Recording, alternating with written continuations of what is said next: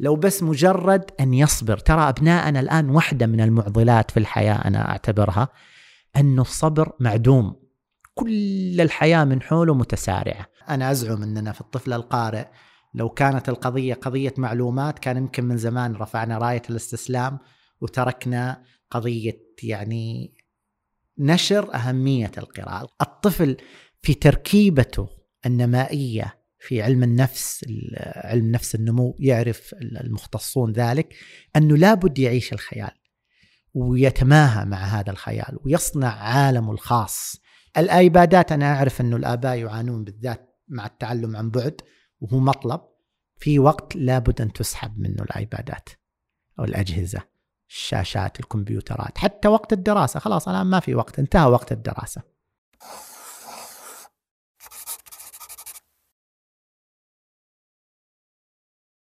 بسم الله. أهلا وسهلا بكم في كاف جديد وضيف فريد.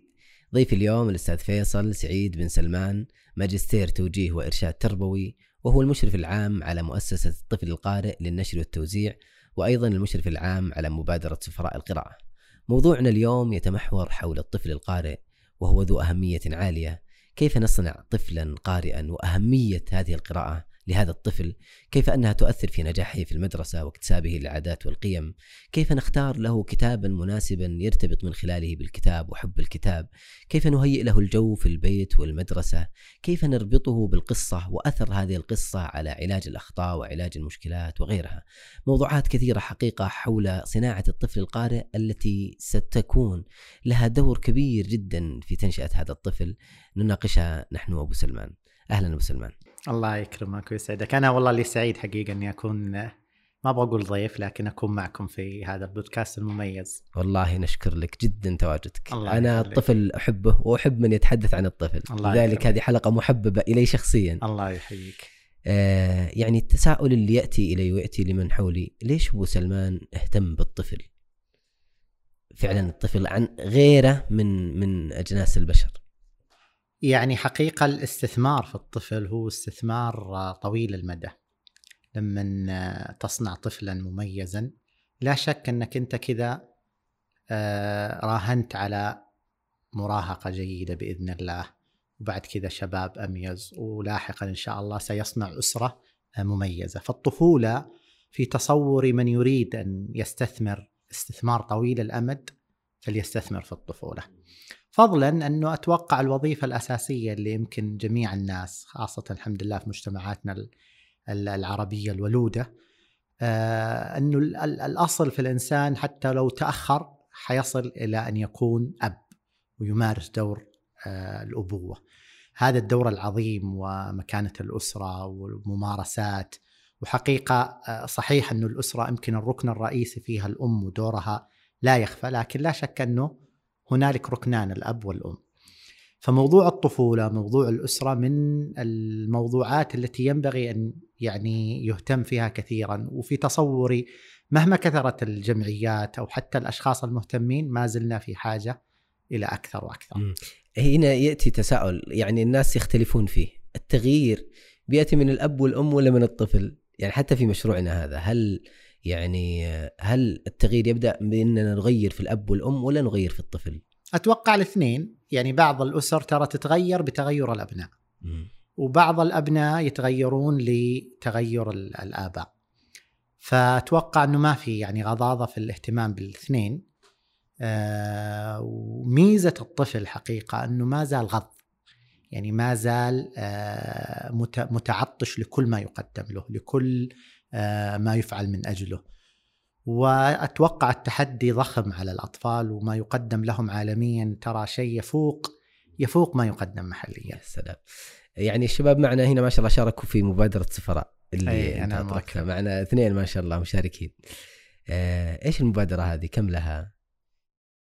مبادرة سفراء القراءة حقيقة كان حلم عندنا من بداية المؤسسة تقريبا والحمد لله تحقق يعني دعم سخي من جمعية من مؤسسة السبيع الخيرية جزاهم الله خير في نسختيه الأولى والثانية بدأ في 2019 في جدة وسبحان الله دوبنا أهلنا السفراء كان تقريبا فوق العشرين سفير في جدة سفير وسفيرة إلا جات فاجعة كورونا.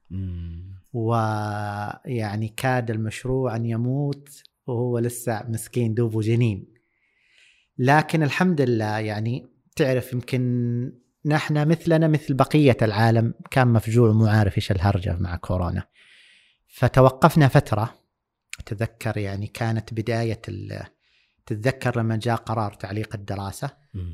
وبعدين قعدنا فترة كذا معلقين. ما نعرفين بالضبط مم. شهر رجب آه جات الإجازة ولسه نحن ما نعرفين إيش الهرجة ومتى بتنتهي. كلنا منتظرين إنه كورونا كذا شهر شهرين وتنتهي.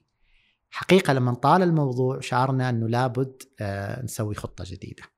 وفعلا الحمد لله كانت آه مبادرة سفراء القراءة من أوائل البرامج التي انطلقت عن بعد. أقمنا في تلك ال- في تلك الإجازة حقت كورونا للناس في بيوتهم.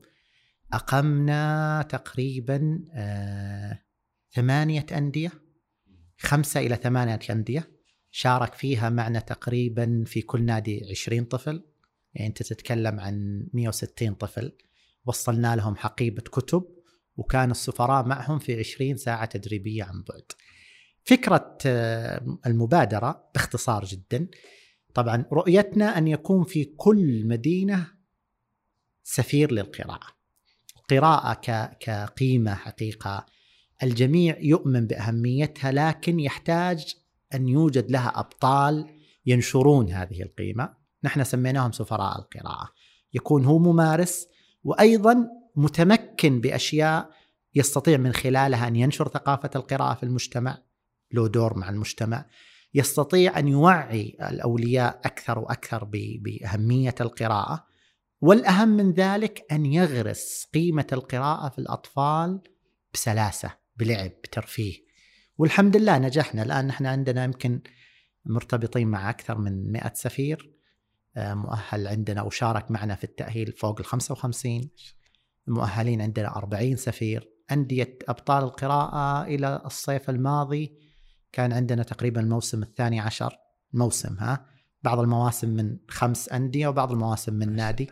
أقمنا إلى الآن يمكن حول العشرين نادي آه، متوسط آه، فوق ال آه، فوق ال 250 طفل شاركوا معنا. ما شاء الله تبارك. يعني والح- السفراء هم الأطفال؟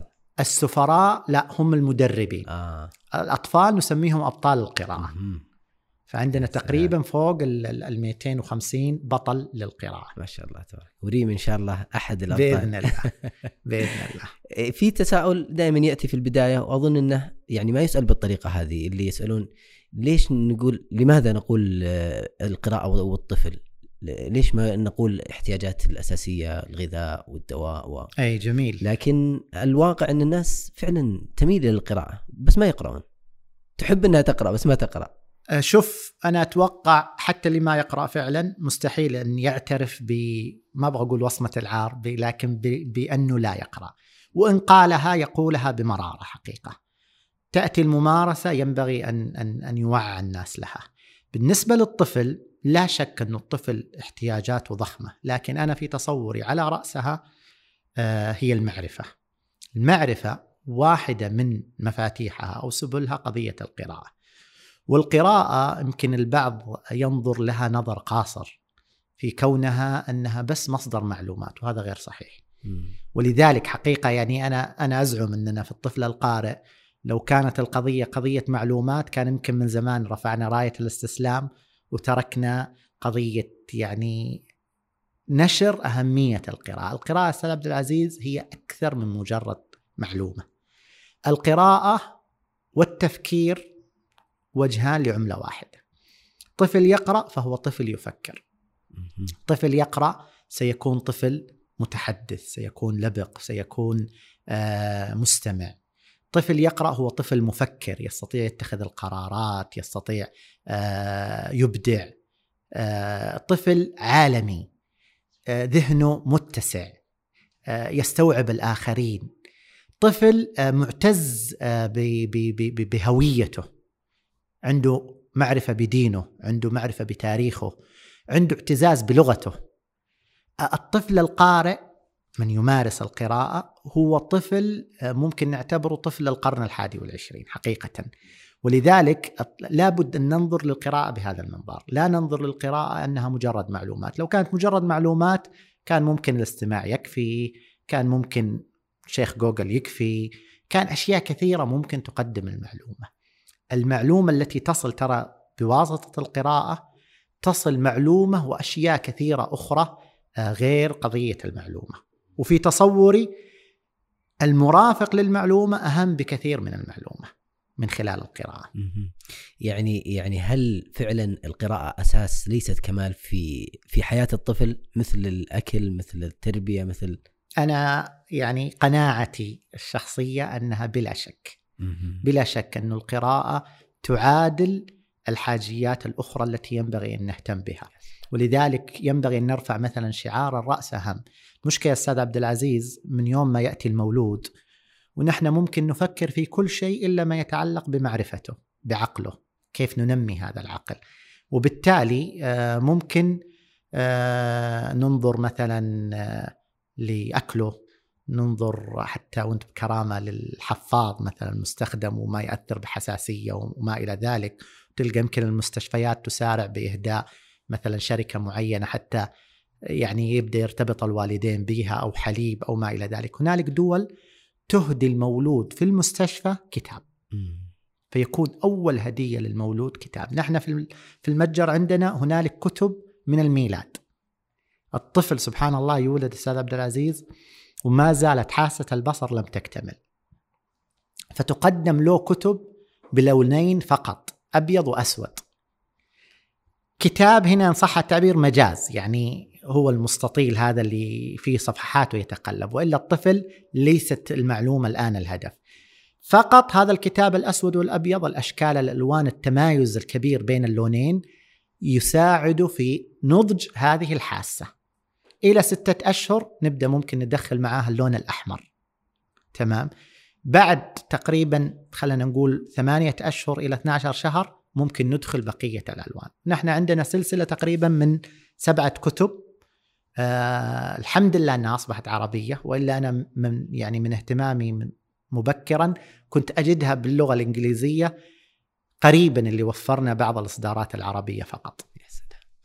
آه هل الوسط البيئة المترفة والغنية يعني لا تساعد على القراءة؟ يعني أذكر قريت معلومة أن الطفل الفقير نعم. لأن ما عنده بدائل عن الكتاب فتجده يلتصق بالكتاب ويقرأ ويطلع مثقف بينما البيئة المترفة عنده وسائل وعنده يعني ملهيات ملهيات أكثر. كثيرة جدا يعني شوف أنا أرجع أقول لك إلى حد كبير ممكن تكون هذه المعلومة صحيحة آه لكن ممكن لو وسعنا آه تعاملنا في المجتمعات العربية ككل. يعني فعلا ممكن نصل إلى إلى مجتمعات تكون مرة فقيرة. قضية لقمة العيش هي الهم الأكبر وبالتالي مو فاضي إن صح التعبير لنوع من الترف الثقافي أو المعرفي ويكون مرة مشغول بأشياء أخرى وممكن أبسط وسيلة تكون الكتاب.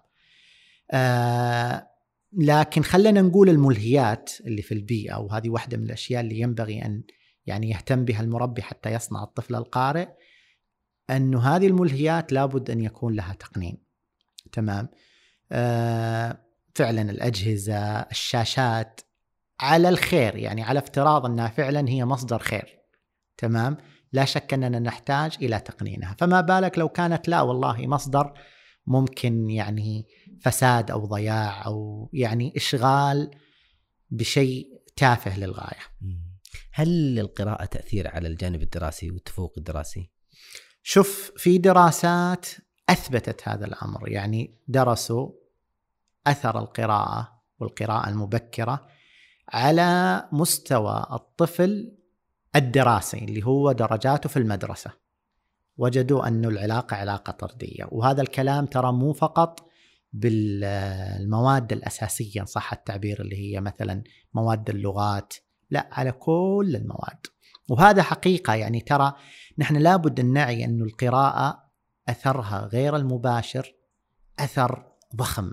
خليني أعطيك مثال.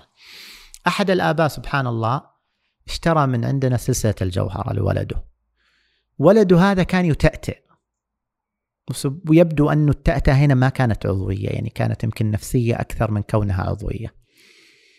لما قرأ السلسلة قرأ مجموعة من الأجزاء فيها وأصبح يحكي أبناء أصحابه في مثلا المغامرة هذه وأنه البطل راح وجاء اختفت التأتأة منه.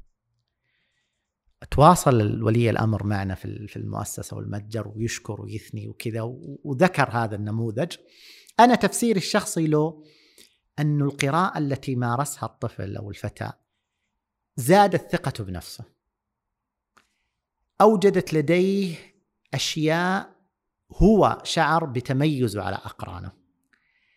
أصبح لديه مجال لأن يتحدث فيستمع الآخرون. هذه كلها أثرت بدون أن يشعر في موضوع التأتأة.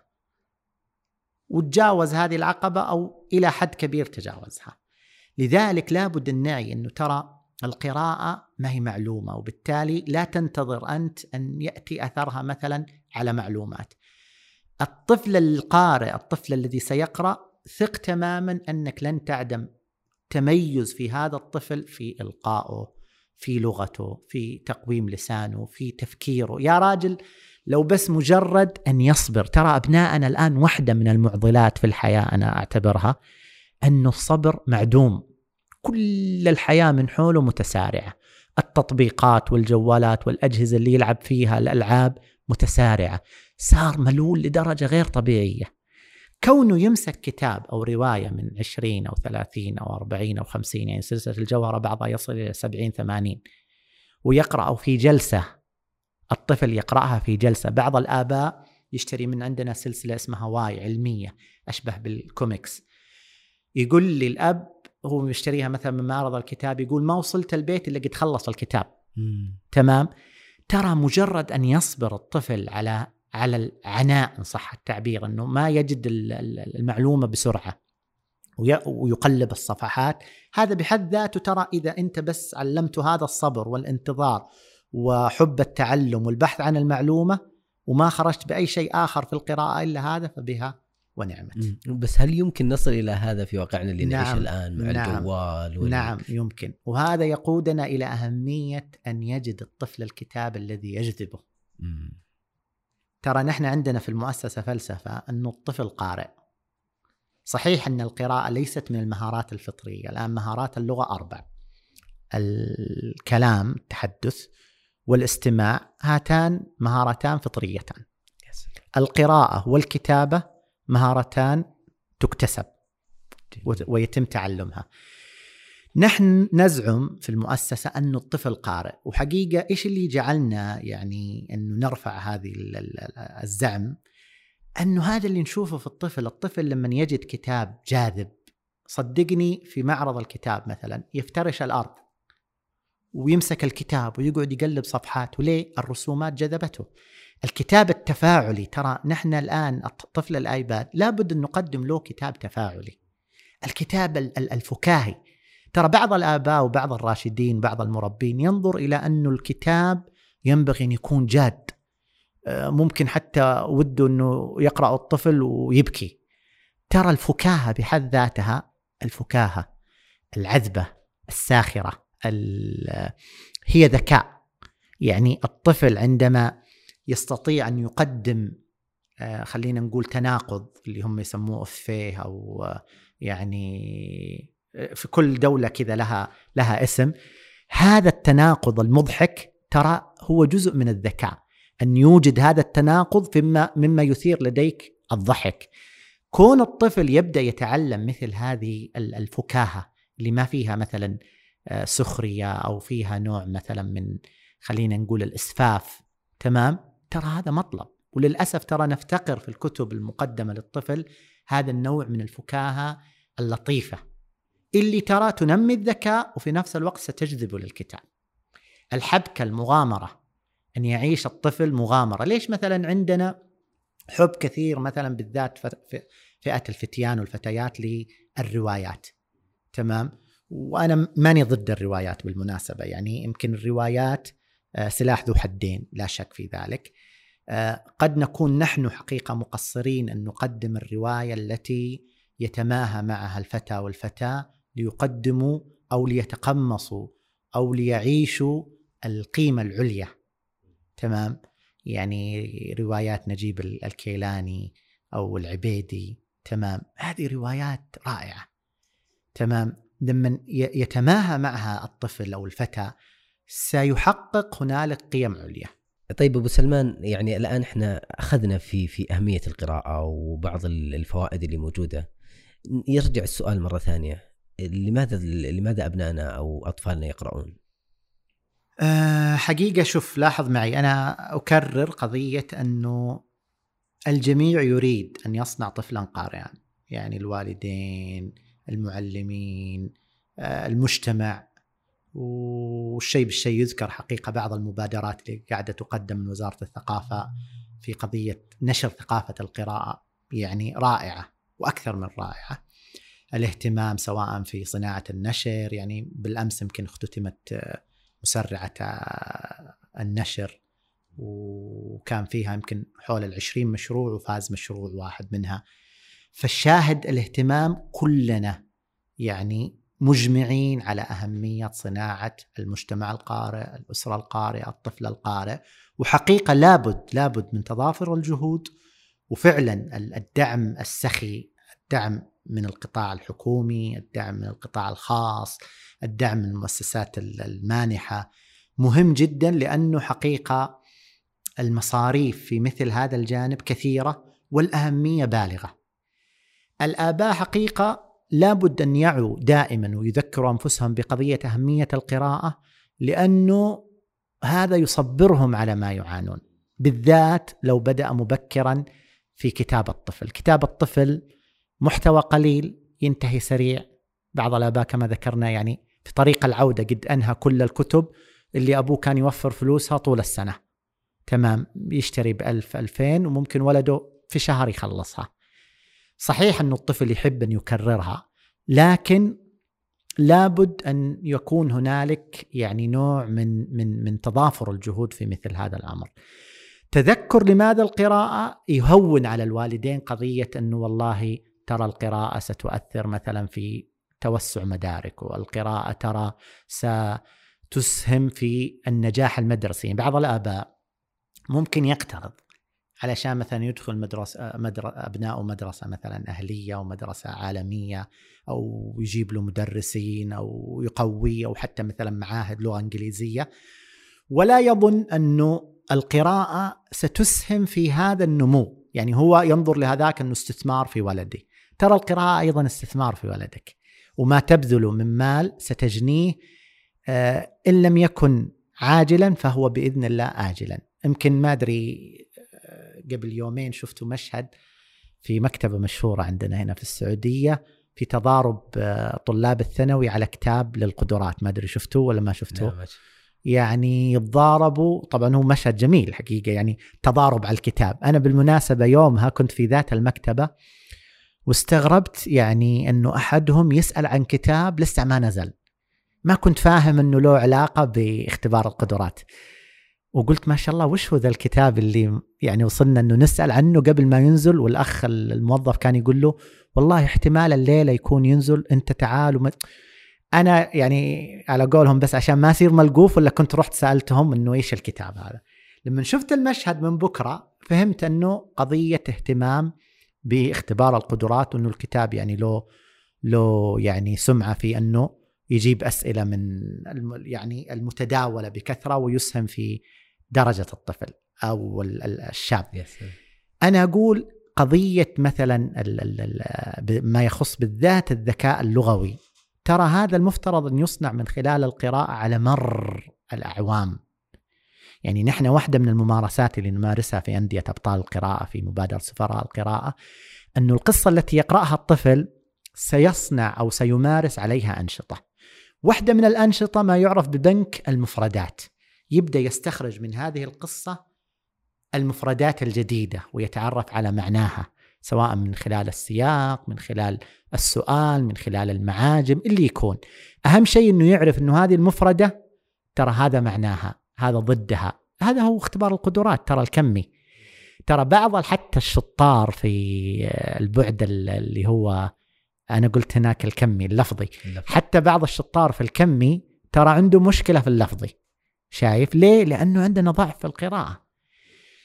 وأرجع أكرر القراءة ليست فقط معلومة. القراءة ترى هي تفكير واللغة جزء ترى من من من ذكاء الطفل من ذكاء الفتى. لما يمتلك مجموعة مفردات ترى أنت قاعد توعيه وتجعله يسرح بخياله. لأمور كثيرة. اعطيك أعطيك شيء كذا مضحك مبكي. عندنا سلسلة اسمها كلماتي الأولى. هذه المفترض أنها لطفل من أبو سنة. بسيطة جدا صورة صورة حقيقية خلفية بيضة وكلمة. السلسلة الآن حتنزل في المعرض حتصير 13 هي قبل كانت 10 عندنا كتاب واحد هو الأقل مبيعا. اسمه الحشرات. طبعا الآباء أنا في تصوري قعدت كذا أتأمل هذيك اليوم مع الزملاء يقولوا لي هذا الكتاب يعني ما يمشي كثير. الآباء في بالهم إنه الآن الطفل هذا ليش أعطيه كتاب الحشرات؟ لاحظ معي هو نظر لها على أنها معلومات وهذا غير صحيح. العقل يا أستاذ عبد العزيز أشبه بالغرف المظلمة. القراءة المفردة الجديدة الصورة التي يشاهدها الطفل لأول مرة كأنك جيت قلت له ترى هنا في غرفة وولعت اللمبة حقها ومشيت.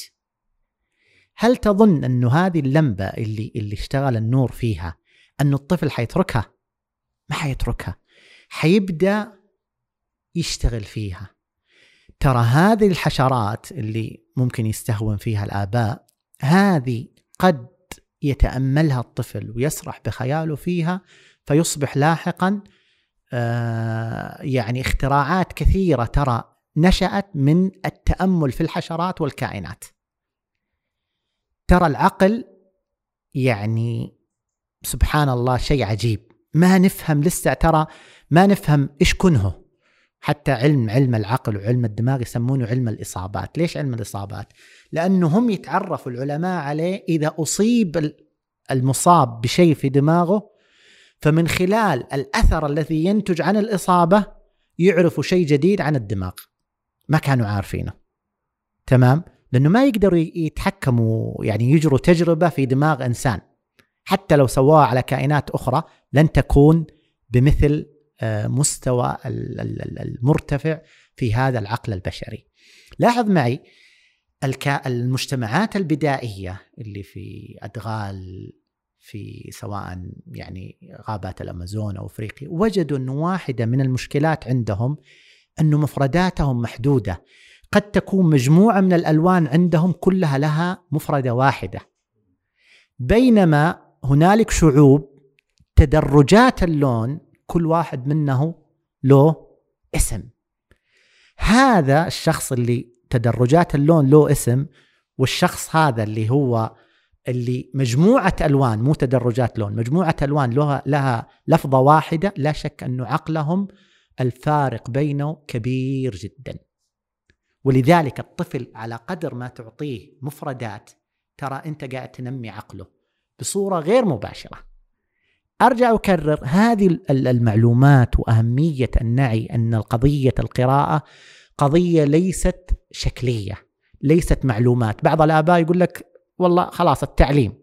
بعض الآباء ما يبدأ مبكر في قضية القراءة لأنه يظن أنها تعليم. هي ليست تعليم. أعطيك أعطيك شيء آخر. نظرتنا للقراءة أنها مجرد فك التشفير اللفظي الحروف. بينما اللوح قراءة. الآن نحن في الطرقات. الإشارات اللي هي التنبيهية ترى هي لوح.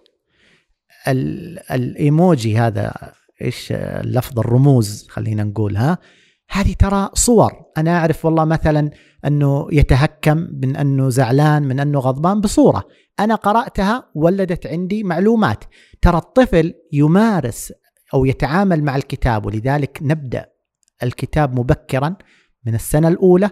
طبعا من الميلاد يبدأ قضية التمايز البصري لكن من السنة الأولى ممكن نقدم له اللي هي المفردات كتب المفردات مبكرا لأنه سيتعلم من خلال الصورة. يقرأ بالصورة يقرأ بالشكل. يعني هل فعلا أن نبدأ في صناعة آه، القراءة للطفل من ميلاده؟ نعم. كأنها يعني كبيرة على على على صانع القارئ. لاحظ معي هنالك بعض الدراسات تذكر من وهو جنين. لأنه أول حاسة وجدوها تنمو لدى هذا الطفل هي حاسة السمع. وبالتالي يميز الأصوات. سيب الجنين ما أبغاك تقرأ له وهو جنين. تمام؟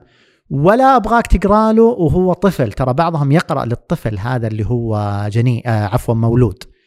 هنا الآن مثلا خلوا يألف. نحن في في هذه المرحلة المبكرة نحتاج أن يألف الكتاب. إيش يعني يألف الكتاب؟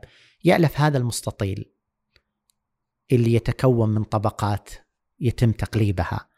يألف أنه موجود زي ليش أبنائنا الآن بعضهم ترى لسه هو إيش يسمونه يحبي ولا يبحي ولا يحبي يحبو. يحبو ها باللغة العربية. يحبو. وهو ممكن يمسك الجوال ويفك النمط ويدخل حتى في اليوتيوب ويشغل مقطع. كيف تعلم هذا الشيء؟ ترى ممكن بنفس الطريقة يمسك كتاب ويقلب الكتاب ويشاهد الصور ويفهم من هذه الصور بعض الأشياء.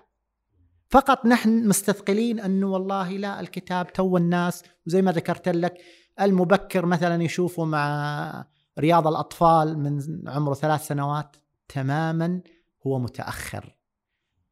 نبدأ مبكرا من خلال المفردات والأهم أن يصبح مصاحب للطفل. إيش يعني مصاحب للطفل؟ يعني هنالك كتاب النوم تمام؟ سواء كانت قصة النوم أو تصفح الكتاب كصور عند النوم. هنالك كتاب السيارة هنالك كتاب ال- الأكل هنالك كتاب الماء. وقت الاستحمام وانت بكرامة تعرف إنه في دار أوروبية فيها أكثر من 150 منتج منتج كلها تستعمل في هذه الكتب وهذه الإصدارات مع الماء. في مسبح في دورة مياه وانت بكرامة في أي مكان أكثر من 150 منتج. ونحن نتعب ندور كتاب بلاستيكي تمام؟ أعرف بعض ال- ال- الدور اللي صنعته وبطلت تسويه يقول لك والله غالي وما حد يشتريه. قد يكون نحتاج أن نعيد مفهوم إيش معنى الكتاب للطفل. بالضبط. قد يفهم الناس أن الكتاب هو الورق. صحيح. يعني يعني فكرة كتاب الماء يجي الواحد مباشرة يروح فكرة إلى انه كتاب مقروء كيف بيقرأ مع الماء؟ صحيح بلاستيكي. يكون كتاب من مادة لا تبتل. يا سلام. كتاب النوم مثلا يكون مادة سهلة ولا تؤذي حتى لو نام عليها الطفل ممكن تكون اسفنج في موضوع مهم حقيقة أبو سلمان يعني في في صناعة الطفل. آه، وإحنا تطرقنا له قليلا إن الأسرة هي لها دور كبير وهي صحيح. البيئة اللي يحتاجها الطفل. يعني قد يكون اهتمام الأب والأم بالقراءة هو يصنع له طفل قارئ. صحيح. ولاحظ معي لما نعي أن القراءة تبدأ مبكرا سنبدأ نحن كأسرة بصناعة الطفل القارئ. لكن لما ننتظر أنه والله رياض الأطفال شايف ولا المدرسة تمام ما ترى نحن يعني نستسهل دائما أن نكون شكائين وأن نكون آه خلينا نقول نصف المشكلة ولا يكون لنا إسهام في أو مساهمة في علاج هذه المشكلة. نحن كأسرة نقول والله المفروض يا أخي إيش يسمونه؟ آه المدارس رياض الأطفال. المدارس يقول لك يا أخي والله المفروض الجهات الخيرية. آه مدري مين يقول مدري مين تمام؟ فدائما كل واحد مننا يريد أن يلقي باللوم على الطرف الآخر، حقيقة نحن نعاني من مثلا المدارس يعني بقطاعيها من مشكلة مثلا في ممارسات القراءة. ترى المفترض المدارس يكون لها إسهام كبير في القراءة مو على صعيد بس المكتبة المدرسية وإن كانت الآن يعني أشبهت يعني أصبحت أشبه بالأشياء المنقرضة. فين المكتبه المدرسية اللي والله فعلا تجذب هذا الطفل؟ أنا أتذكر أيام زمان أيامنا كان في مكتبة مدرسية إلى حد ما ممتازة. أيوه. الآن حتى بعض المدارس الخاصة اللي ما شاء الله تبارك الله ما نبغى نحسدهم لكن مثلا رسوم الطفل فيها كبيرة مع ذلك تنقصها المكتبة المدرسية. في حين المفترض أن يكون هنالك لدينا مكتبات في الفصول. هنالك مكتبة متنقلة بين الفصول. هنالك أركان للقراءة منتشرة في المدرسة. تمام؟ والأساس المكتبة المدرسية اللي هي تكون آه يعني قبلة للمدرسة ككل. قضية القراءة المفروض أن أن أن يساهم فيها الجميع. يعني لاحظ معي قضية القراءة في المدرسة وأهميتها لدرجة أنه آه لابد أن تكون المدرسة كلها قارئة. وهذا حقيقة يعني نحن قدمناها حتى في ورقة أشبه بالإصدار. ودنا أنه حتى يصل وناشرينه بي دي اف للجميع يعني مجانا اسمه المدرسة القارئة. فيها أشبه بالإشارات. آه، بعض المدارس المهتمة آه، تنظر إلى قضية القراءة على أنها مثلا مسؤولية رائد النشاط. إذا ما زال هذا المسمى موجود. آه، مسؤولية خلينا نقول مدرس اللغة العربية. ترى حتى مدرس العلوم ينبغي أن يهتم بقضية القراءة. حتى مدرس الرياضيات ينبغي أن يهتم بقضية القراءة. الممارسات البينية العبارات المنتشرة خلينا نقول الأنشطة آه، الفعاليات حقيقة مهم جدا أن تبنى حول القراءة. لذلك يعني واحدة من مزايا مشروع تحدي القراءة العربي الجائزة السنوية حق آه، الشيخ محمد بن راشد أنه في مدرسة آه، تفوز بكونها ساهمت في قضية القراءة. أنا ماني متأكد إذا أيضا مشروع إثراء يهتم بقضية المدرسة أو لا فقط على الصعيد الشخص والفرد لكن الاهتمام وحتى تكون عندنا مبادرات من من ذات الوزارة أن نصنع في مدارسنا بيئة قارئة. حقيقة ليش هذا الكلام؟ يعني الآن ترى أظهرت قريبا اختبارات آه، PIRLS وغيرها أنه عندنا مشكلة في في الاستيعاب القرائي في الفهم القرائي الذي لدى ابنائنا هذا PIRLS اختبار عالمي. لكل العالم في مستويات فهمهم القرائي للغتهم الأم. للأسف عندنا تراجع. ليه؟ لأنه ما عندنا اهتمام كبير في الممارسات. والطفل لديه قابلية ترى للترقي. يعني نحن وجدنا في أندية أبطال القراءة نماذج رائعة في الاستمرار في القراءة في القراءة بنهم. في الفهم القرائي يعني مستويات الفهم القرائي والترقي فيها ترى جزء منها ممارسة. لا ننتظر أنه بين يوم وليلة الطفل يترقى في هذه المستويات. يعني الآن يعطينا مؤشر أن البيئة سواء كانت بيت أو مدرسة أو حتى الجو العام يحتاج أن نفعله لأجل أن ننشئ طفل قارئ. صحيح. صحيح. أنا أتفق معك. ولذلك مثلا الكتاب المصاحب اللي يكون دائما حولنا في البيئة آه، الأنشطة وبالأخص مثلا ما يعرف ب يعني روتين قصة ما قبل النوم. Yes. أنا أفهم أنها عبء للوالدين وبالأخص الأم لكن ترى أصلا قصة ما قبل النوم فوائدها التربوية كثيرة. آه، فيها تفريغ للشحنات اليومية للطفل. فيها أصلا ضبط لروتين النوم. يعني نعاني دائما منه روح نام ما ينام روح نام. لما أجي أنا وأقرأ له قصة ما قبل النوم أشبه بأني مسكته خط النوم خليته ينام. آه تراها سهلة ما هي ما هي ذاك العبء. يعني سهلة في زمنها سهلة في القصص.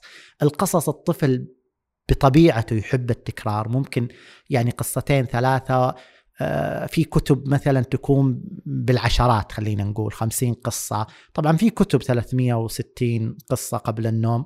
ما وجدت أو ما وقفت على شيء فيها مثلا مرة مميز أو خالي من العيوب. لكن في قصص مثلا أو كتب من أبو خمسين قصة فيها تميز والطفل ترى سيكررها. يعني أبو خمسين هذه ممكن تمسك معاه سنة ما عنده مشكلة الطفل. فقصة ما قبل النوم. هل هي تقرأ ولا تحكى يعني هل الفكرة أنك تقرأها من كتاب مثلا؟ أقرأها من كتاب بأسلوب الحكواتي. تمام؟ يعني فن رواية القصة ترى هذه بحد ذاتها فن. يعني نحن سفراء القراءة ندربهم على هذا الفن. لأنه الطفل مو الطفل. نحن ككبار ترى لو قدمت لنا القصة بأسلوب في تنغيم للصوت في تقمص للشخصيات حنحب هذه القصص. فما بالك لما تقدم للطفل. فقصة ما قبل النوم أيضا مهمة. آه، عندنا كذلك المجلة. وللأسف للأسف أقولها بحرقة أن المجلات بدأت تنقرض. تنقرض. وتزول يعني حقيقة قليل من المجلات الصامدة مجلات الطفل الصامدة التي ما زالت تطبع وأغلبها يعني بدعم حكومي أو تختفي ليش طيب ليش المجلات بالذات تصنع؟ لأنه عبئها المالي ضخم عبئها المالي حتى لو كانت شهرية عبئها المالي ضخم عبء الطباعة عبء ال- التأليف عبء الرسم هذا سبب انقراضها لكن ليش هي تصنع؟ أيوه المجلة كيف أقول لك؟ شفت صحن المقبلات؟ ما عجبك الحمص تاخذ آه، مدري إيش ما عجبك؟ نفس الفكرة. مجلة التنوع الذي فيها. الطفل ما عجبته القصة هذه قلبها صفحتين وجاته نمط آخر. هنا والله قصة كوميكس هنا قصة سردية هنا في شوية مسابقات هنا في مثلا اختلافات. كلنا كلنا يعني عشنا على آه، ماجد وباسم وفضولي و... سنان وسنان. كلنا عشنا على هذه وفعلا ربطتنا حقيقة مع قضية آه، مع قضية القراءة يا سلام ال- يعني أحيانا قد يكون المانع على صناعة الطفل القارئ أنه يكون الكتاب مثلا مكلف فيقول متى أشتري للطفل؟ هل أشتري له كتاب وبعدين أخليه يعيده ولا يحتاج مني تكرار دائم لأني أشتري له كتاب؟ لاحظ معي التدرج مهم حقيقة سواء في الشراء في الترقي مع الطفل آه، في نوعية الكتب في المجالات التي تطرح له. مهم جدا موضوع التدرج لأنه هذه الصناعة الدائم فيها الاستمرار هو الذي سيصنع الطفل القارئ. بعض الآباء بعض الأمهات ممكن تجي له هبة كذا والله سمع لقاء سمع مقابلة سمع أهمية آه، جاء معرض كتاب نزل اشترى. بعد كذا يطفي. ترى ممكن الميزانية حق معرض الكتاب لو قسمتها شهريا تمام. واشتريت شهريا للطفل مثلا قصتين ثلاثة. آه، أو اشتريت من معرض الكتاب بحكم إنه تظاهرة وممكن تجد مثلا خصومات أو أو أو أشياء كثيرة. وفرت وبديت تجزئ للطفل وتتدرج معه. تمام؟ هذا مهم. آه، مهم آه، كذلك أن أن أن نجعل الطفل يجرب. إن صح التعبير يستطعم الكتب. والله مرة أجيب له كتب دينية فيها قصص النبي صلى الله عليه وسلم قصص مثلا القرآن أجيب له قصص مثلا خيالية. تمام؟ آه ترى بعض الآباء يظن أن القراءة لابد تكون جادة ولابد تكون قصص قرآن وقصص الرسول صلى الله عليه وسلم والقصص النبوي وبس. هذه ممتازة لكن ليست كل شيء. تمام؟ آه عندنا مثلا قصص الخيال البعض يظن أنه والله هذه كذب محض أو ما يستفيد الطفل منها وهذا غير صحيح. الطفل في تركيبته النمائية في علم النفس علم نفس النمو يعرف المختصون ذلك أنه لابد يعيش الخيال ويتماهى مع هذا الخيال ويصنع عالمه الخاص ويحب ربما قصة فيها خيال ويفهمها في حدودها. تمام؟ لا نظن أنه والله هي قاعدة تعلمه الكذب وتعلمه تمام؟ أو مثلا قصص الحيوان لها مرحلة قصص البطولة الحقيقية لها مرحلة. لابد أن نجعل الطفل يستم يستطعم هذه الأنواع كلها. أنا دوري كمربي وهذا ليش نقول مكتبة المدرسة أو المكتبات العامة. دورها أنها توفر الموسوعات توفر جميع الأصناف. حتى الطفل يجي يجرب يستطعم. في شيء عندنا مهم نسميه ميوله القرائية. آه. لابد يستكشف الطفل الميول القرائية الخاصة به وبالتالي يحدد مجاله وينطلق في هذا القراءة. ليش أقول لك ثق تماما أن الطفل قارئ؟ لكن هو مشكلتنا نحن بعض الأحيان أنه إلا نأطره على نوع معين من القراءة ونريد أن يسلك هذا المجال وبس.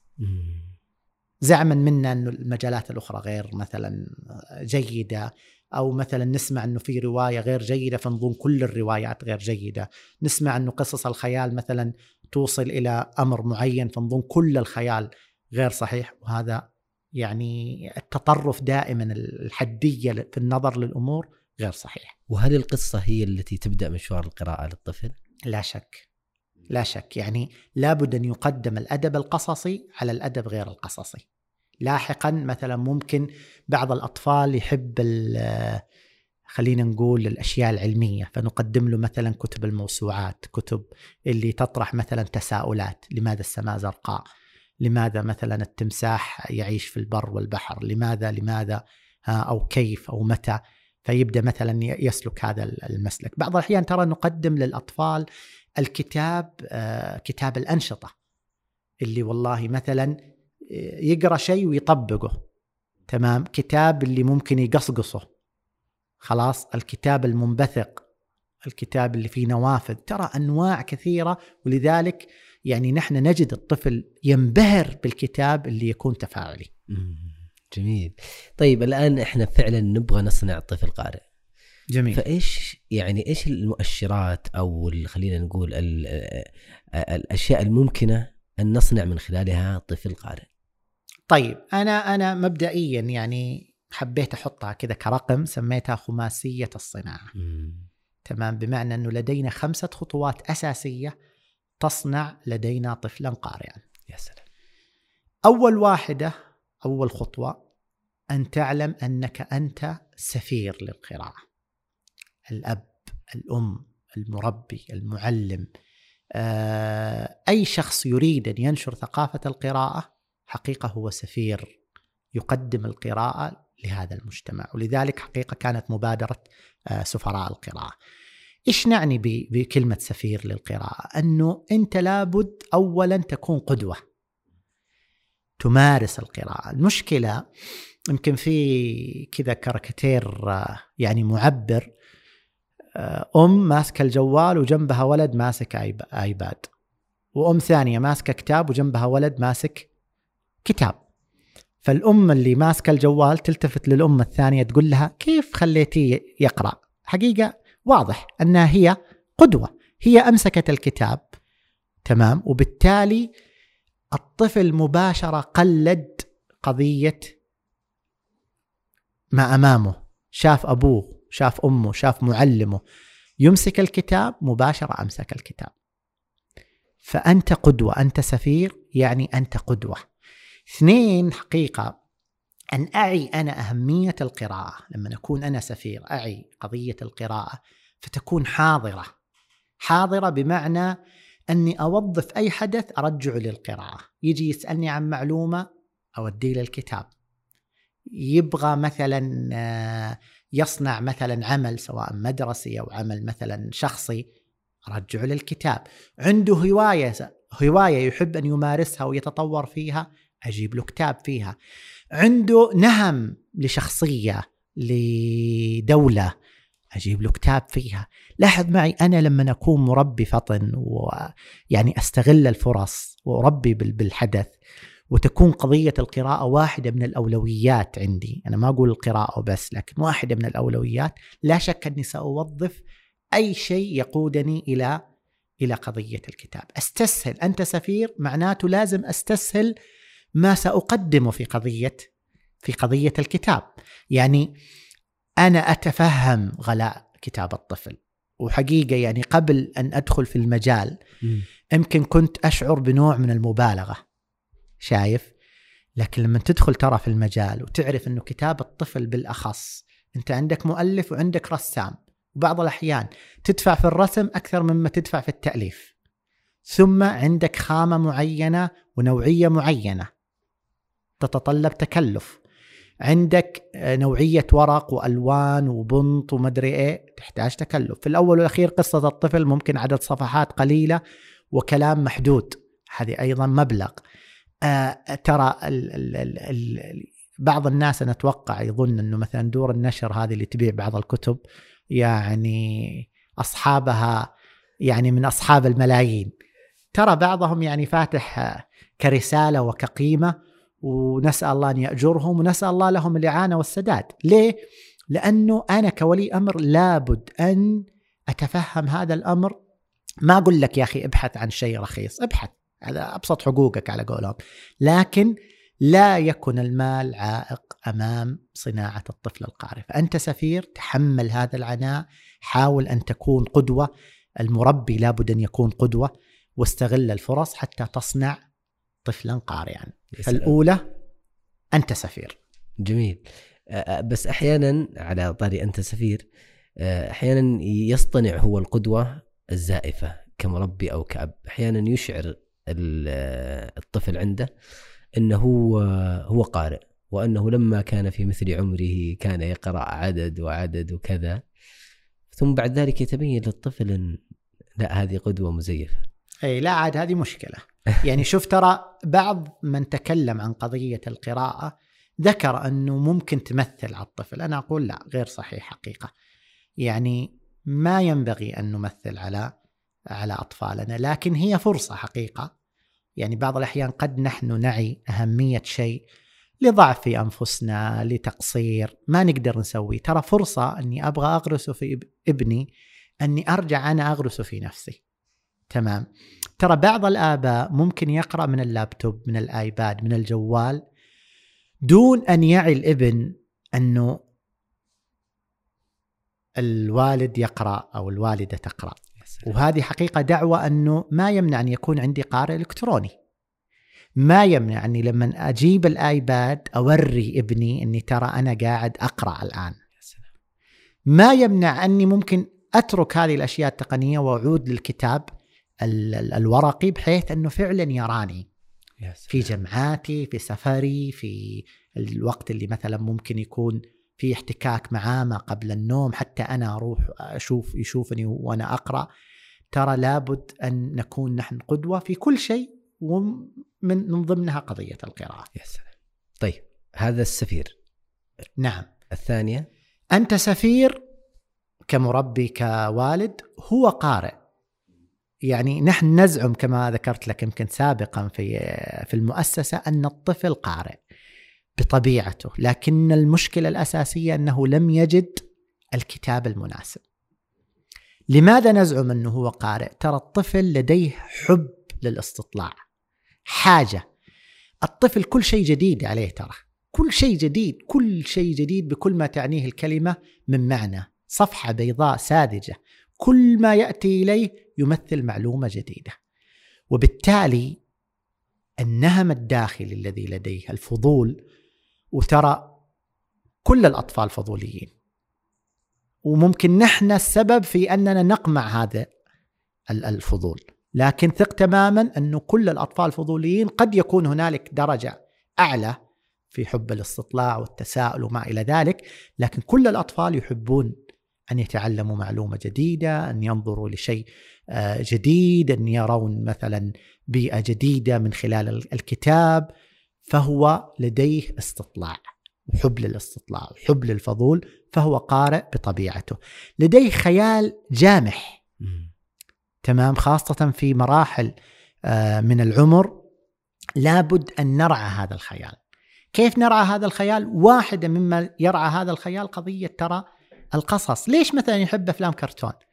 ويحب مثلا بعض الأبطال الخارقين اللي ممكن لا تتفق مع بيئتنا لا تتفق مع ثقافتنا. ليه؟ لأنه فيها خيال وهو يحب هذا الخيال. طيب أقدم له خيال آه، منضبط خلينا نقول. خيال يشبع فيه هذه الرغبة وفي نفس الوقت ينميه وثق تماما. وهذه أيضا بالدراسات بل حتى من مثلا يقرأ الروايات ثم يشاهد هذه الرواية في فيلم هو عادة يميل إلى أنه استمتع وعاش بخياله. في قراءة الرواية أكثر من مشاهدته للفيلم لأنه مهما كان المخرج عبقري ها ومهما كان الإنتاج سخي لن يستطيع أن يكون بقدرة الخيال خيال العقل البشري في تصور الأحداث ورسم يعني خلينا نقول كادر بصري في ذهنه وخلفية وأشياء كثيرة لا يستطيع بكل المؤثرات وبكل الميزانية الضخمة أن يصنعها المخرج أو المنتج في فيلم من الأفلام. فلديه خيال جامح أنا أغذيه من خلال القراءة. يحب المرح والتسلية. الطفل بطبيعته ونحن ككبار كذلك بطبيعتنا نحب المرح والتسلية، ومن قال أن هذا المرح والتسلية محرم على الطفل؟ من قال أنه أنه ينبغي ألا نسمع قهقهه الطفل، بل بالعكس من أجمل الأناشيد وأعذب الألحان هي قهقه الطفل من خلال فكاهة مهذبة وقصة طريفة يقرأها ويستمتع فيها وأرجع أقول تنمي لديه جزء من الذكاء. صحيح كلنا ضد مثلا الإسفاف، ضد مثلا السخرية، لكن هنالك أسلوب فكاهي يقدم الفكاهة وينمي مثل هذه الأشياء وعندما نقدم الكتاب الفكاهي وللأسف هو نادر جدا القصة الفكاهية اللطيفة الخفيفة الظل كما يقال عندما تقدم ترى الطفل سيقرأها مرة واثنتين وثلاثة لأنه يحب يستمتع بهذا بهذا الأمر. قد يكون في إشكالية في أن إقناع الطفل أنه هو قارئ أننا أحيانا نقدم له الكتاب كعقاب صحيح وهذه مشكلة المشكلات يعني ينبغي آه، إذا ما استطعنا إذا ما استطعنا أن نكون سفراء للقراءة فلا أقل من أن لا نصنع العداوة للكتاب. بعض الآباء للأسف يتعامل مع قضية القراءة كعقوبة. بعض الآباء يدخل الكتاب والقصة في آه، مقارنة غير منصفة مع مثلا الآيباد مع الشاشة تمام؟ يجي يشوفوا على الآيباد اترك هذا يا أخي روح امسك كتاب ولا يسحب من منه هذا ويعطيك كتاب. ترى أنت هنا تصنع العداوة التي قد تستمر لسنوات. بل بعضهم يذكر أنه حتى خلينا نقول التكاليف التي تنشأ عن القراءة ينبغي ألا تكون حتى لا يشعر الطفل بعبء القراءة. ولذلك هذه حتى للسفراء ونحن نحرص دائما عليها في, الأندية انه نحاول ال ال ال ما نطلبه من الطفل حتى لو كان مثلا في ترقي في مستوى الفهم القرائي في استخراج لبعض المفردات الجديدة أن يكون أشبه باللعبة أن يكون بشيء محبب أن يكون في جو التحدي والتنافس تمام بحيث إنه يتحمس له لا ينظر له إلى نوع من العبء وهذه هذه فعلا مشكلة آه، حقيقية. في برضو أيضا لأن أحيانا نصرف على أن يقرأ إلى بعض لحرصنا عليه، يعني فكرة مثلا أن نقارن بغيره ممن يقرأ. صحيح. وما نراعي الفوارق. آه، صحيح. والقدرات. صحيح أو نختار له المجال تمام أو نختار له الكتاب. المر... المربي الذكي اللي يبغى طفله يختار كتاب تحت إشرافه ما يجي يجيب له كتاب واحد يجيب له مجموعة كتب كلها يرتضيها. تمام؟ ويضعها بين يديه ثم يجعله يختار منها فاختار أي واحد منها ما في مشكلة. تمام؟ آه الاختيار تحدي. حقيقة ولذلك يعني يمكن نزعم أننا في المتجر يعني حاولنا نسد هذه الثغرة في قضية الاختيار لأنها فعلا تحدي لكن ينبغي ان ان أن نتعامل معها بفطنة، كيف ممكن أجعله يختار دون أن أعارضه وفي نفس الوقت يختار ما أرتضيه.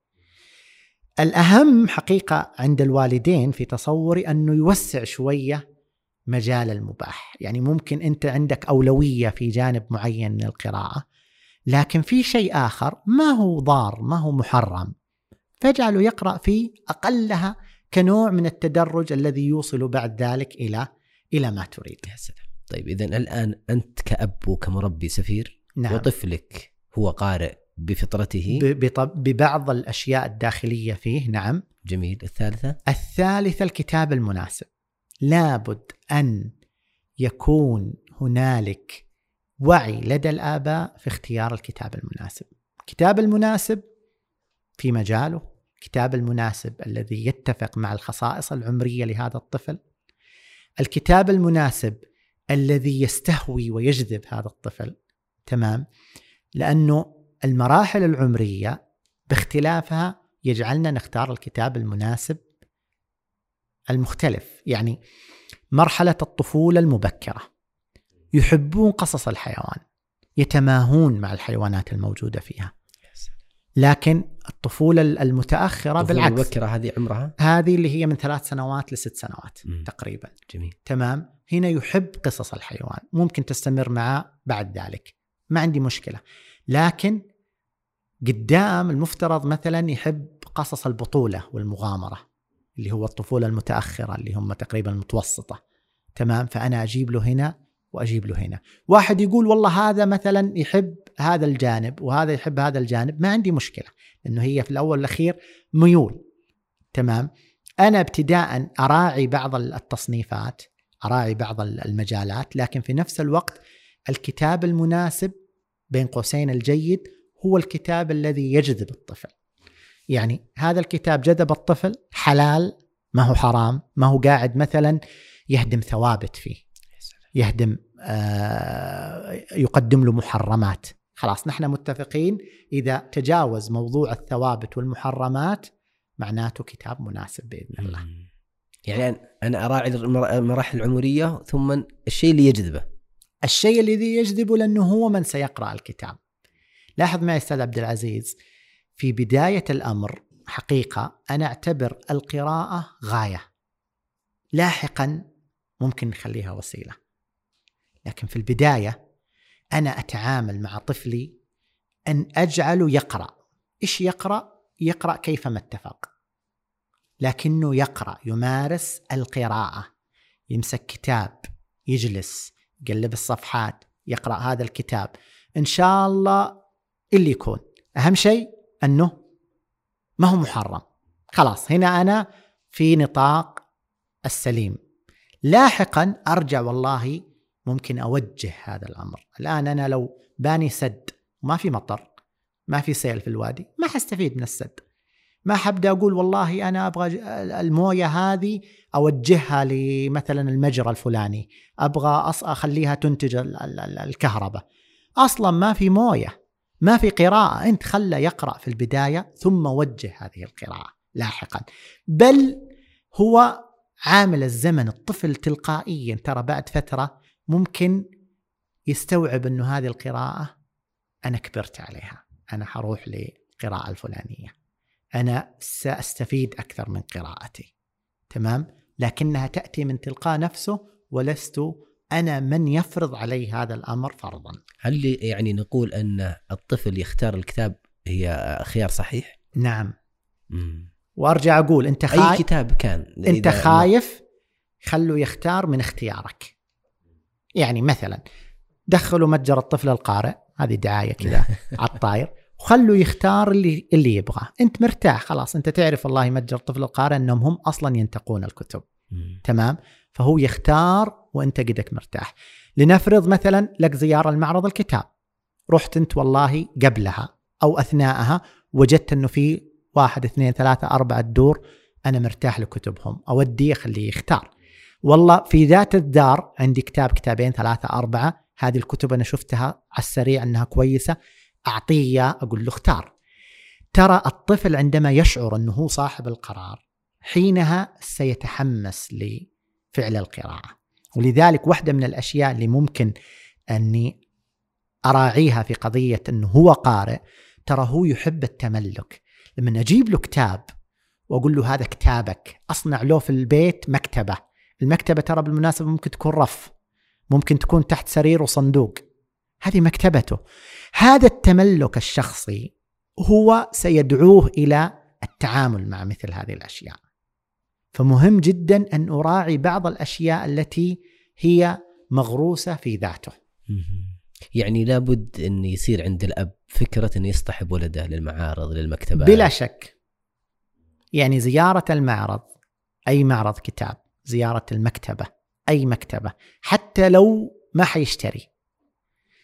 بس رؤية الكم الهائل من هذه الكتب رؤية الأشخاص الكثر اللي مثلا يزوروا معرض الكتاب الناس وهم يسحبوا عربيات الكتب ولا يشيلوا أكياس الكتاب بحد ذاته هذه دعوة غير مباشرة للطفل أن يصبح طفلا قارئا. يا سلام. المكتبة كيف يمكن أن يعني أن ننشئ له مكتبة سواء في البيت أو في أي مكان؟ ممتاز.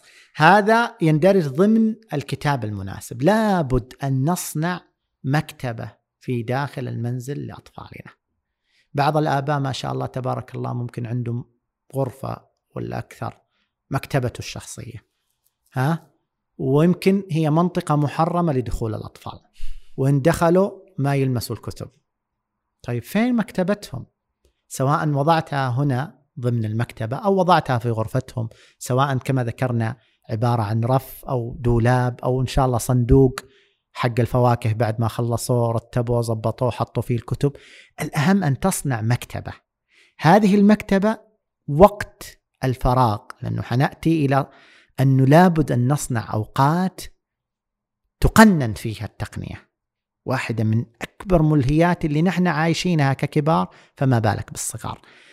لما يقنن الوقت الطفل لن يقف مكتوف اليدين لن يظل هكذا. سيتجه مباشرة لهذا الرف لهذه المكتبة ويبدأ يتصفح هذه الكتب ويمارس هذه الهواية الجميلة. يا سلام. جميل جدا. طيب هذه اذا الثالثة في الثالثة نعم. الكتاب المناسب. قلنا أنت سفير هو قارئ والكتاب المناسب.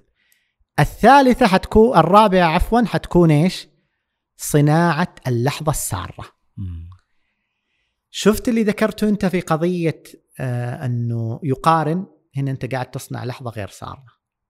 قضية أنه تجي تسحب منه الجهاز والآيباد وتخليه يروح للقراءة هنا أنت قاعد تصنع منه لح أو تصنع لحظة غير سارة. المربي الحصيف يعرف أن مثل هذه ال- الملهيات لها وقت. لابد أن يقنن. والله أذان المغرب ينطفي التلفاز. إن شاء الله يتفرجوا أشياء مفيدة. التلفاز كشاشة تتوقف. الآيبادات أنا أعرف إنه الآباء يعانون بالذات مع التعلم عن بعد وهو مطلب. في وقت لابد أن تسحب منه الآيبادات أو الأجهزة الشاشات الكمبيوترات. حتى وقت الدراسة. خلاص الآن ما في وقت. انتهى وقت الدراسة. تمام؟ فأنا قننت الملهيات وقبلها أوجدت المكتبة دون أن أتكلم. دون أن أتكلم. أبغى أتكلم أتكلم بالفعل.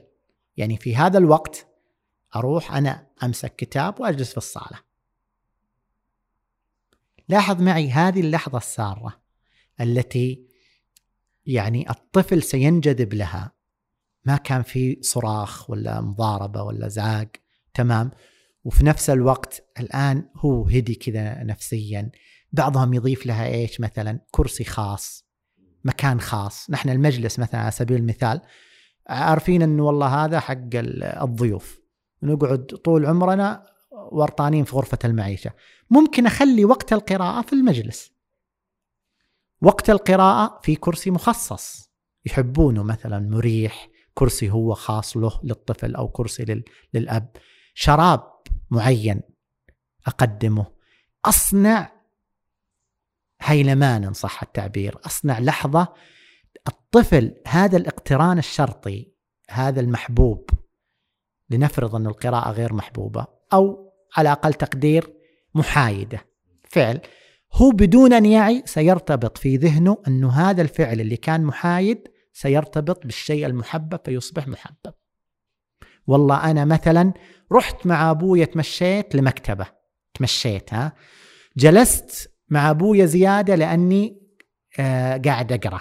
دخلت المكتبة حقه أو الغرفة اللي دائما يقول لنا مثلا أنا مشغول ولا تدخلوا لأني أقرأ. ترى هذه الأشياء البسيطة يستطيع الطفل وبدون ما يشعر أن يربط أنه هذا محبب هذا فعل محبب ويستطيع أن يعيش آه هذه اللحظة السارة. يعني فكرتها أن تجعل القراءة شيء آه، مفرح. نعم. مم. أصنع لحظة سعيدة في أثناء ممارسة القراءة. كيف أصنع لحظة سعيدة؟ أقلل المنهيات. بعضهم يضيف أنه يخصص وقت للقراءة. ترى يا جماعة يوم الجمعة بين المغرب والعشاء نحن نبغى نتجمع في الصالة مثلا ولا في المجلس كل واحد معاه كتابه. شايف؟ أجيب أشياء جميلة مثلا بعض ال ال ال الأشياء الت- التسلية هذه المحبوبة كمشروبه وكماكول مثلا. وأخليه في نفس في نفس هذا الجو. قصة ما قبل النوم ترى هي جزء من صناعة اللحظة اللحظة السعيدة، بعضهم يجعل جلسة القراءة العائلية سواء كانت هذه الجلسة اللي قبل شوية ذكرناها فردية أو جماعية أيضا يجعلها قضية محبوبة. الطفل يحب أندية القراءة، مجموعات القراءة. بعض الأحيان ترى مثل هذه المجموعات وأندية القراءة هي الشرارة التي تجعله ينطلق بعد ذلك في القراءة. وهل في أندية؟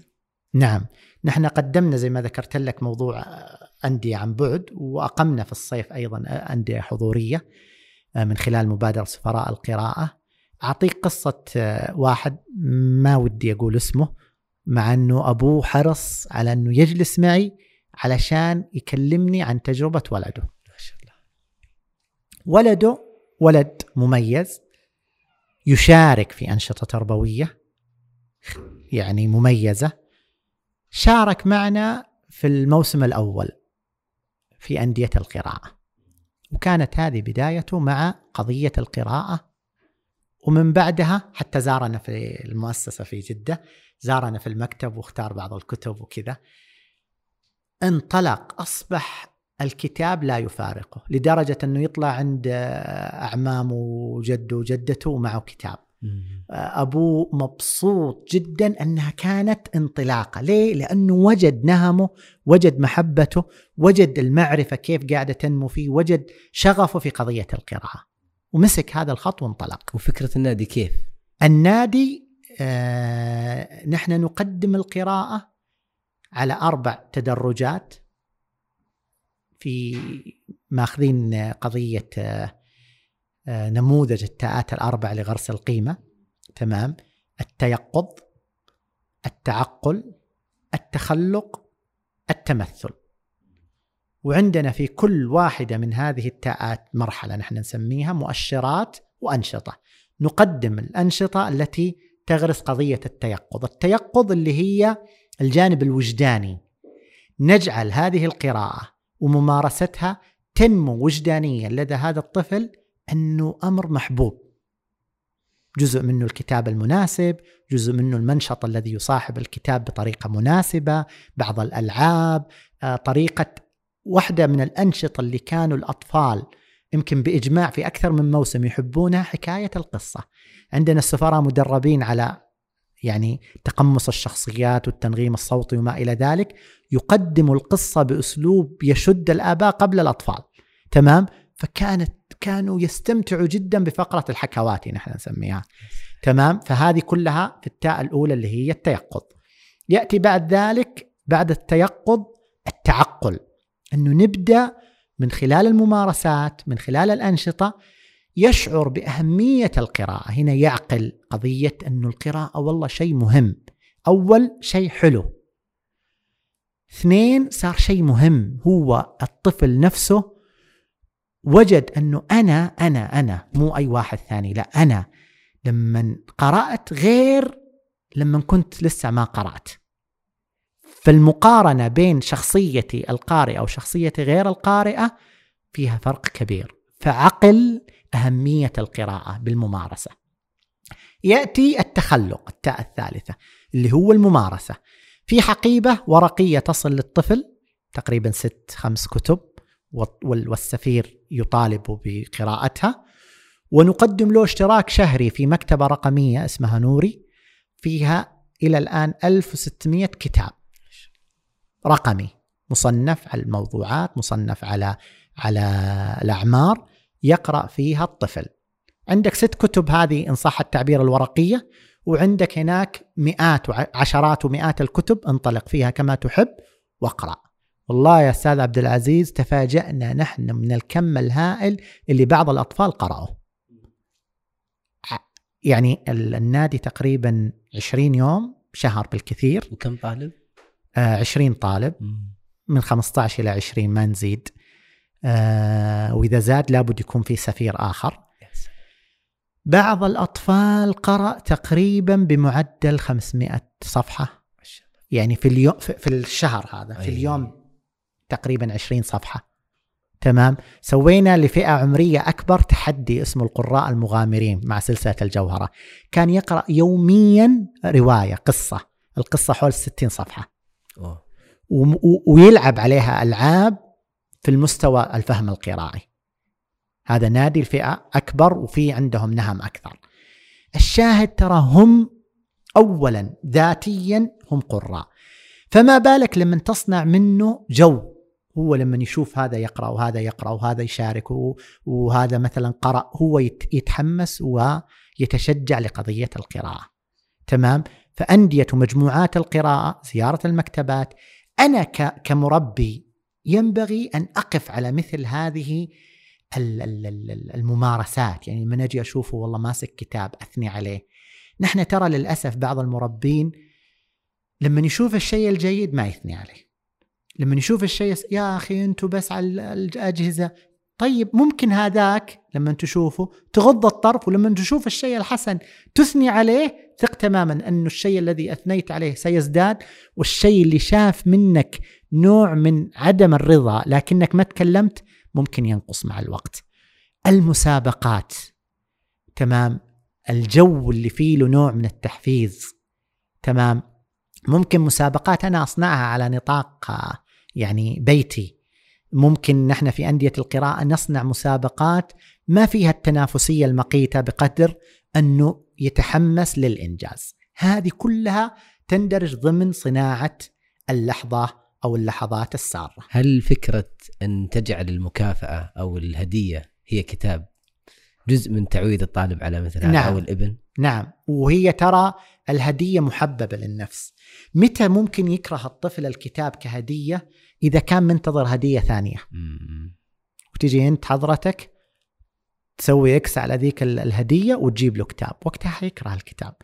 لكن أنا رحت معرض كتاب ورجعت إيش حجيب له؟ طبيعي إني حجيب له كتاب. شلته معاي لمكتبة من المكتبات إيش حجيب له؟ طبيعي إني حجيب له كتاب. بدون أي مناسبة قدمت له هدية كتاب طبيعي. أو قرنت الكتاب مع هدية أخرى. وهذه جزء من حب التملك جزء من حب أصلا عملية الإهداء وإنه الشيء اللي دائما يهدى لك أنت تحبه حتى لو كان شيء بسيط. تمام؟ فهنا أيضا أصنع هذه آه، اللحظة السارة. جميل.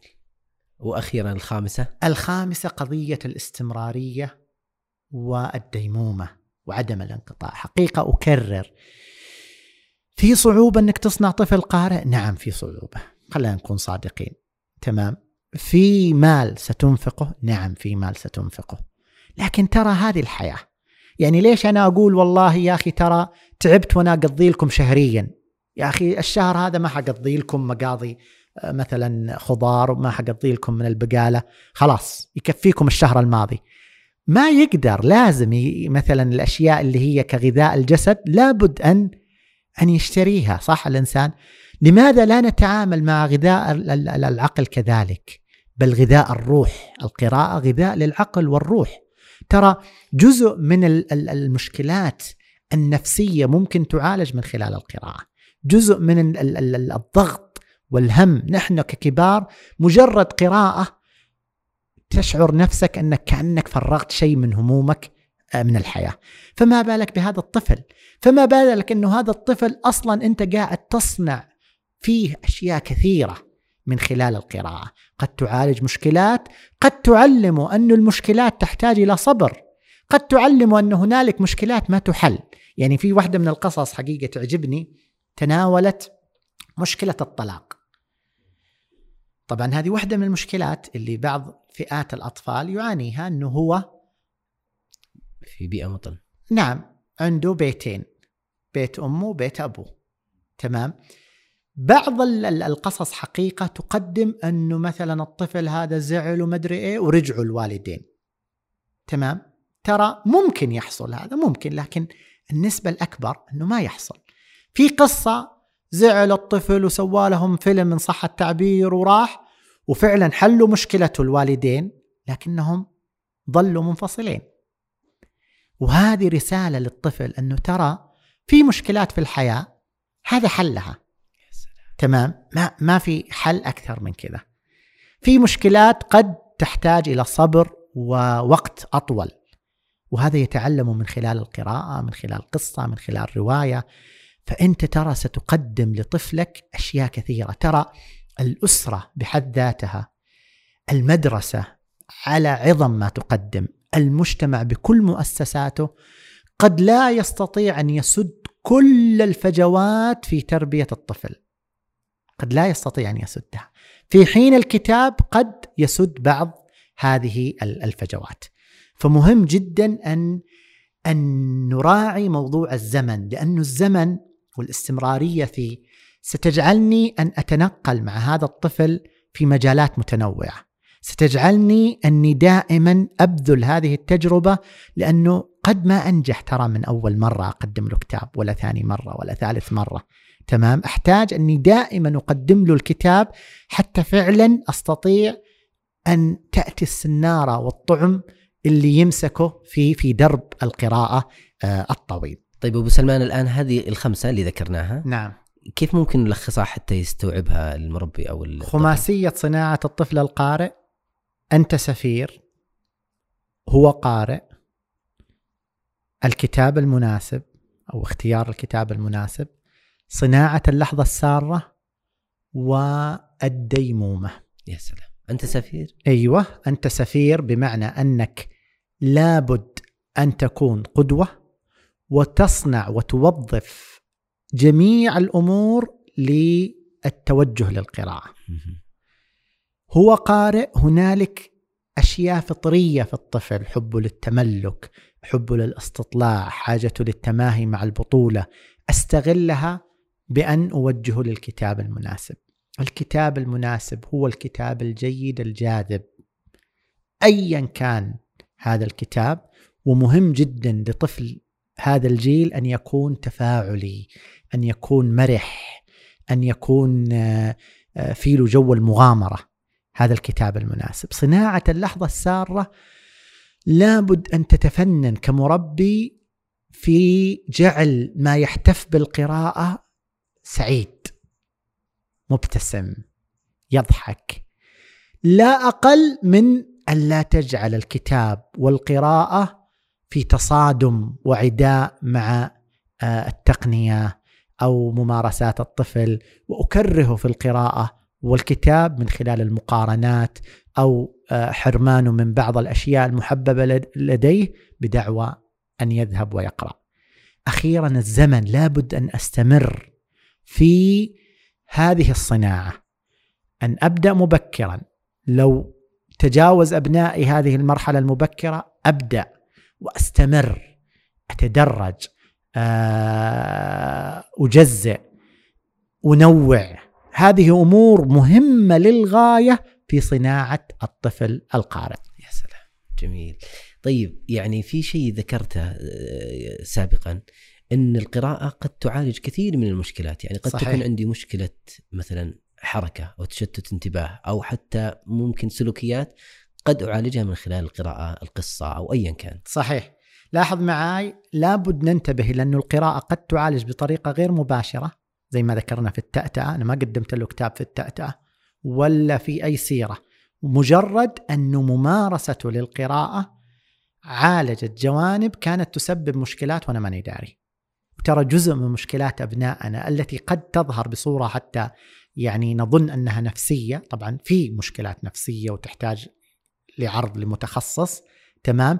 لكن في بعضها قد تعالج بالقراءة من خلال مجرد فعل القراءة. يعني قضية التركيز والتشتت عدم الصبر مجرد أن يجلس الطفل ويقرأ ولاحظ معي يقرأ من تلقاء نفسه لأنه انجذب لهذا الكتاب أنت هنا تصنع فيه قضية الصبر قضية التركيز عدم التشتت.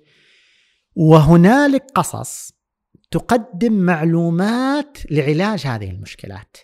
يعني في سلسلة عندنا من الأكثر مبيعا اسمها سلسلة سلوكيات مهمة. تقريبا 14 كل واحدة منها فيها بطل لديه مشكلة اللي عنده قلق اللي عنده خوف اللي عنده فرط حركة اللي عنده طبعا هم حيوانات لأنها تخاطب الفئة المبكرة. هذا الحيوان بطل القصة. يقع بسبب هذه المشكلة في نتائج لا يريدها. يعالجها بعد ذلك من خلال تصرفات معينة أنا أجعل الطفل يتماهى مع بطل القصة فيبدأ يقلد هذا البطل فربما يسلك هذه السلوكيات التي تعالج المشكلة لديه. فضلا إنه فيها في الأخير صفحة كدليل للوالدين كيف ممكن نتعامل مع هذا مع هذه المشكلة ومع هذا الطفل صاحب هذه المشكلة. فلاحظ معي هنا الآن في طريقة مباشرة في طريقة غير مباشرة. الطريقة المباشرة لا أعني أنه مثلا عندي طفل يكذب أروح أجيب له قصة تتكلم عن الكذب كذا في وجهه شايف؟ زي كأني اصفقه كف أقول له ترى أنت كذاب هيا أقرأ القصة هذه وبطلك من الكذب. وتيجي القصة بعض القصص للأسف تكون مباشرة جدا في كونها إنه والله كذب وبعدين صار له كذا وبعدين جاء الطفل قال والله أنا ما حكذب مرة ثانية. صار توجيه مباشر. جدا. وترى الطفل أذكى من هذا الأسلوب. بعض القصص اللي فيها نوع من الحبكة حتى لو كانت شوية يعني واضحة لكن حاول المؤلف إلى حد ما أنه يجعلها غير مباشرة. طبعا لو كانت تماما غير مباشرة ترى الطفل ذكي ويفهم. شايف؟ سيعالج هذه المشكلة لأنه ترى جزء من المشكلات كون الطفل يتعلم كيف يتعامل معها سواء قبل أو أثناء أو بعد هو عالج هذه المشكلة. أذكر كذا قرات إن مثلا أم كانت تعاني من أطفالها إن عندهم مشكلة في العدوانية على الحيوانات جميل. فجيت وقرات لهم قصة عن القطة العمياء وإن قطة عمياء ولدت آه، أولاد وما استطاعت إنها تحتويهم جعلتهم يتعاطفون معها إلى درجة إنهم اندمجوا إنهم فعلا يحتاجون إنهم يعتنون ويعطفون وهذه طريقة غير مباشرة. مم. جميل جميل جدا طيب في أبو سلمان يعني ال- الآن موجود في الساحة بدائل الكتاب المقروء أو الورقي يعني في ناس مثلا يميل إلى الجانب التقني أو الرقمي أو مثلا الكتاب الصوتي هل لها تأثير شوف آه خلنا نتفق ابتداء أن القراءة كفعل بغض النظر عن الوسيلة أو الأداة أو الوعاء يسمونه هي قراءة. يعني لو قرأ من اللابتوب أو الآيباد أو جهاز الكندل أو الكتاب ال- ال- الورقي هو يمارس فعل القراءة. ستأتي هذه الفوائد التي ذكرناها من خلال هذه القراءة.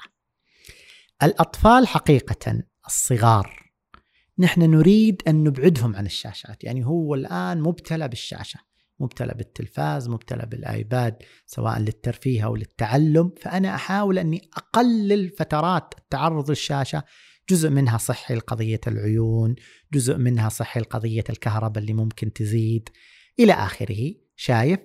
فيفضل أن يكون البديل الورقي حاضر. البعض يقول والله أنا مثلا في دولة بعيدة في مثلا البدائل عندي محدودة جدا لابد مثلا أن أنزل لهم تطبيق مثلا زي تطبيق نوري تمام؟ في له 1600 قصة عربية مصنفة منتقاة موضوعات مختلفة دور منوعة ومميزة ما ما تقدر تقول. يعني نحن حقيقة في المتجر عندنا كنا رافضين تماما أن نأتي بأي شيء إلكتروني. لاحقا حقيقة مع تواصل بعض الناس من أوروبا من أستراليا يبغوا بعض الكتب. العربية. عندهم الكتب الورقية الإنجليزية أو اللغة اللي هم عايشين فيها كثير. يبغى الكتاب العربي. يقول أنا أبغى أرجع ولدي لقراءة الكتاب العربي. لما يطلب والشحن والمدري إيه يعني تضاعف عليه المبلغ والجهد. فأدخلنا مكتبة نوري بشراكة استراتيجية معنا في المؤسسة الطفل القارئ. وفعلا سببت يعني أو سدت فجوة كبيرة في هذا الجانب. فتبقى بديل حقيقة مميز وحتى يعني فيها وفي تطبيقات أخرى تقدم حتى القصة المقروءة. تمام؟ بحيث أنه بعض الأطفال في بعض الأوقات نقول مثلا ما يتعلق مثلا بالنوم كشيء صوتي أشبه بالراديو أشبه بالبودكاست في السيارة تمام في ممارسة بعض الأعمال. يريد أن يستمع ممكن يأتي الكتاب الصوتي ليسد هذا المسد. أرجع أكرر أنه يفضل أن يكون الكتاب الورقي حاضر وهو الأساس لكن البدائل بصورة خلينا نقول يعني محدودة لا بأس بتواجدها. يا سلام. يعني صراحة إحنا استمتعنا الآن يمكن تعدينا ساعة ونص. أنا ما أدري كم وصل لك. ما شاء الله. لكن مستمتعين جدا. نبغى كذا وصية آه لهذا المشروع الذي يجب أن يهتم به الجميع الآباء والأمهات والمربين. وصية سواء للمربين والآباء أو حتى للأطفال اللي ممكن تصلهم هذه الرسالة. حقيقة الوصية هو أن نقرأ أن نمارس القراءة بعيدا عن كل حقيقة الكلام الكثير اللي ممكن يقال. بغض النظر عن الوعاء الذي ممكن أن يقرأ من خلاله آه بغض النظر عن المقروء والمحتوى ونوعيته ومجاله ما لم يكن محرما ممارسة القراءة لا شك أنها هي التي ستغرس حب القراءة. سيشعر الإنسان بأنه قبل القراءة كان شيء وبعد القراءة أصبح شيء آخر. سيجد هذا التغير الوالدين في أولادهم آه سيكتسبوا مع الوقت مهارات القراءة يترقون في مستويات الفهم القرائي. القراءة القراءة القراءة. ما أريد أن أقول والله مثلا أنه يعني بعضهم يتحفظ في ربطها مثلا في أول كلمة أنزلت على الحبيب صلى الله عليه وسلم في القرآن اقرأ وأنه هنا القراءة ليست القراءة المعهودة في الكتاب. لكن أنا أقول قد تكون فيها إشارة ولو يعني بصورة بعيدة إنها قضية أساسية جوهرية نبتدئ بها وأقول للوالدين حقيقة أنها ستغير ابنك 180 درجة.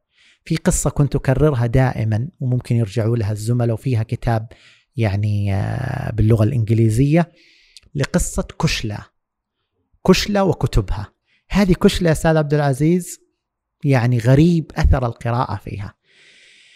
باختصار صنفت على أن لديها عيب خلقي يسبب تخلف عقلي. تخيل؟ يعني مو حكاية شيء نفسي أو أثر يعني غير محسوس لا عيب خلقي. عندها كروموسوم ناقص وسبب تخلف عقلي. هذا الاخصائيون يقولون للوالدين. جاء أبوها وأمها سحبوها وبدأوا يقرؤون عليها القصص. وصلوا بالترقي إلى أكثر من 12 قصة في اليوم. طبعا قبل القراءة كان مستواها في مقياس آه، القدرات العقلية فعلا تخلف. بعد الممارسة هذه أصبح مستواها فوق المستوى المتوسط. تجاوزت تخلف عقلي بالقراءة. فما بالك عندما يكون لديك طفل عادي سوي وأن تمارس معه القراءة. فما بالك عندما يكون موهوب مميز وتجعله يقرأ أنت تصنع عبقري. وثق تماما نحن الآن في في في وقت حقيقة التسارع العظيم الذي يعني يعيشه أبناءنا. فعلا لا يستطيع الأسرة سد الفجوات للمدرسة المناهج قاعدة تتطور لكنها ما تلحق. الكتاب قد يكون هو الحل. الله يجزاك خير أبو سلمان. أكرمك الله. استمتعنا جدا. أنا شكر أيضا موصول لمستمعين ومستمعات مشاهدين ومشاهدات نسأل الله عز وجل أن يجعل لنا جيل قادم يا رب. يحمل ويبني هذه الأمة. في أمان الله. السلام عليكم ورحمة الله وبركاته.